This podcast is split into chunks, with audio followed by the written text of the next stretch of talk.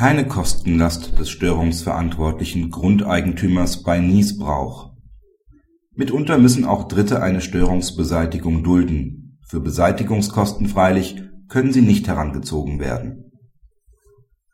Der Grundstückseigentümer gewährt einen Niesbrauch. Der Berechtigte errichtet in der Folgezeit ohne Baugenehmigung verschiedene Anlagen.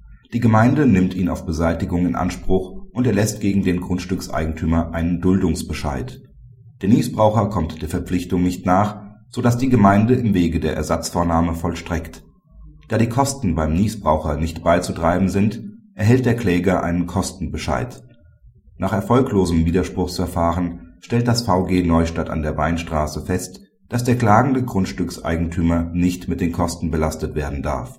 Dieser ist zwar wegen der materiellen Rechtswidrigkeit des Handelns des Niesbrauchers zur Duldung der Beseitigung verpflichtet die aus der zu duldenden Ersatzvornahme als Vollstreckungsmittel resultierende Kostentragungspflicht besteht jedoch nicht gegenüber dem Grundstückseigentümer.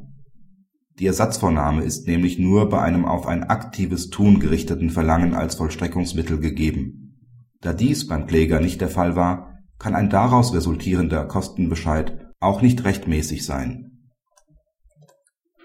Praxishinweis die zutreffende Entscheidung zeigt, dass der Grundstückseigentümer nicht immer für die auf seinem Eigentum erforderlichen Maßnahmen einzustehen hat. Die Kammer weist zudem, wiederum zutreffend, darauf hin, dass bereits der erlassene Duldungsbescheid überflüssig war, weil es sich bei den baulichen Anlagen nur um Scheinbestandteile des Grundstücks gehandelt hat.